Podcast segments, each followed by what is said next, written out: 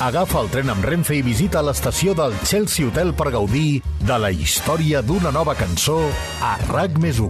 Amb Olga Suanya, el podcast on les cançons lliguen amb la història.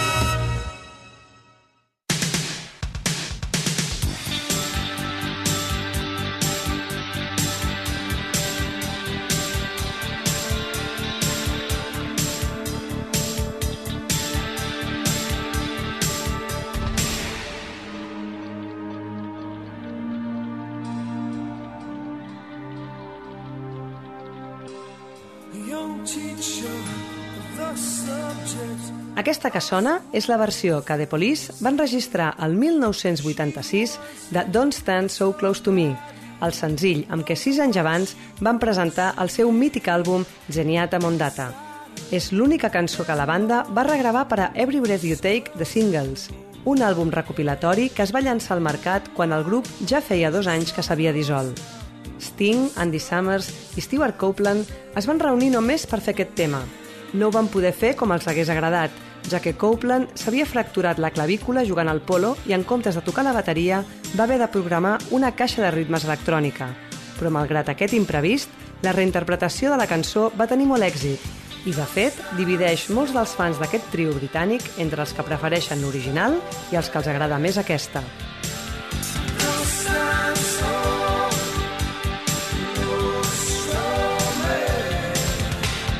Tot i que en la producció d'amb dues peces es perceben de forma clara els canvis introduïts, la diferència més evident la trobem a la tornada, que en la versió de 1980 sonava així.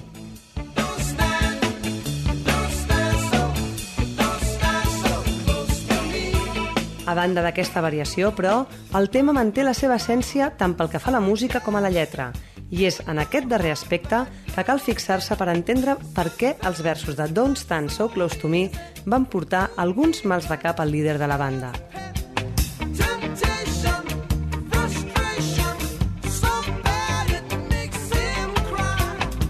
La cançó relata la història d'un adolescent que fantasieja amb un professor jove i atractiu, una temàtica que ben aviat va generar diverses teories sobre la possible component autobiogràfica de la situació que s'hi retrata.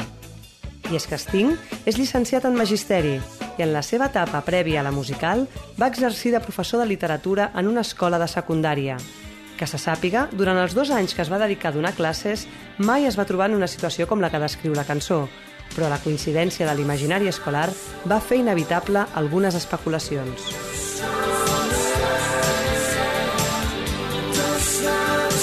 Al llarg de tota la peça, els versos de Don't Stand So Close to Me plantegen com el docent de qui parla el tema viu aquesta situació incòmoda davant aquesta pressió de la noia, però també com això afecta a la seva relació amb la resta de professors quan pel centre comencen a córrer tota mena de rumors i acusacions.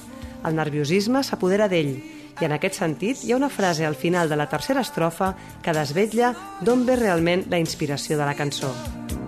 To shake, to cough. Just like the old man in that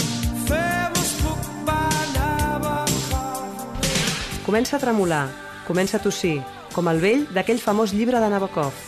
Amb aquestes paraules ho recull Sting a la lletra, i així expressa també el cúmul de sensacions que experimenta el protagonista de la cançó davant aquesta situació incontrolada i que provoquen el prec que repeteix constantment a la tornada no estiguis tan a prop meu. Però quin és aquest llibre al que es refereix Sting al cantar aquest passatge? Doncs ni més ni menys que Lolita, un dels títols més rellevants de Nabokov i que ell mateix recitava d'aquesta manera. Lolita, light of my life, fire of my loins, my sin, my soul, Lolita,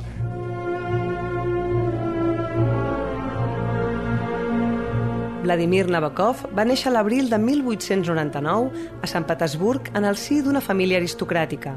A casa seva s'hi parlava rus, anglès i francès, per la qual cosa va ser trilingüe des de ben petit. El 1919, els seus pares van exiliar-se a Alemanya per por dels bolxevics i ell va a Anglaterra on va ingressar a la Universitat de Cambridge. Quan va acabar els seus estudis, va viure uns anys a França, fins que el 1940, fugint dels horrors de la Segona Guerra Mundial, va exiliar-se als Estats Units. Els seus primers escrits els va fer en rus, però el reconeixement internacional li va arribar quan va començar a publicar en llengua anglesa, i especialment quan el 1955 va presentar Lolita, la seva obra més reconeguda. Aquesta novel·la relata la relació incestuosa i pedòfila d'un home de 50 anys obsessionat per la seva fillastra, una nena de 12 anys. Lolita! Lolita. Lolita!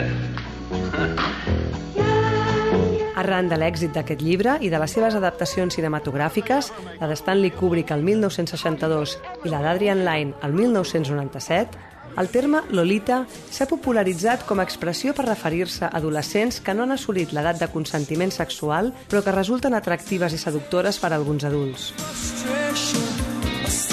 La referència al terme amb aquesta dimensió conceptual és present en diferents productes culturals. La música no n'és una excepció i Don't Stand So Close to Me n'és un bon exemple.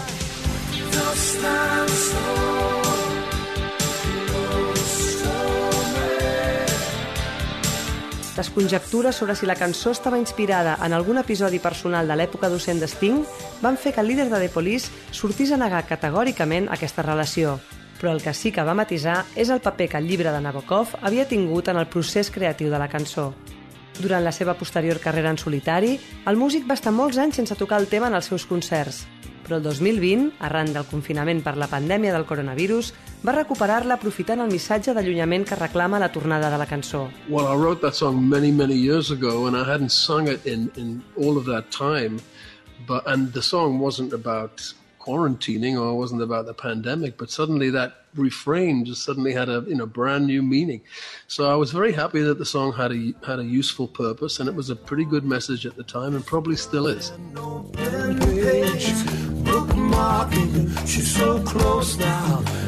Va ser en el marc de l'edició At Home del programa de televisió de l'humorista Jimmy Fallon.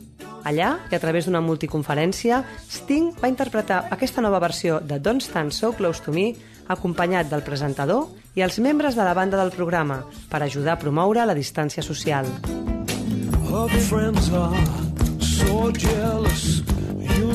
En aquesta ocasió, el tema es desempallegava de la connotació políticament incorrecta que sempre l'ha acompanyat i es posava al servei de la conscienciació ciutadana, recordant la importància que tenia mantenir-nos allunyats els uns dels altres en un moment tan delicat com aquell.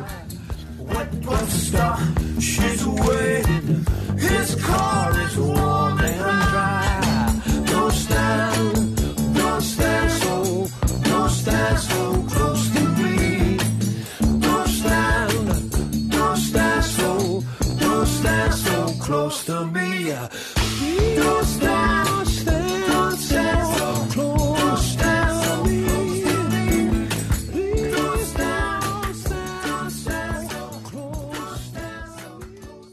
El tren de Renfe, amb parada a Chelsea Hotel, reprendrà el seu viatge i tornarà dissabte que ve amb noves cançons a RAC més 1, amb Olga Suanya, el podcast on les cançons lliguen amb la història.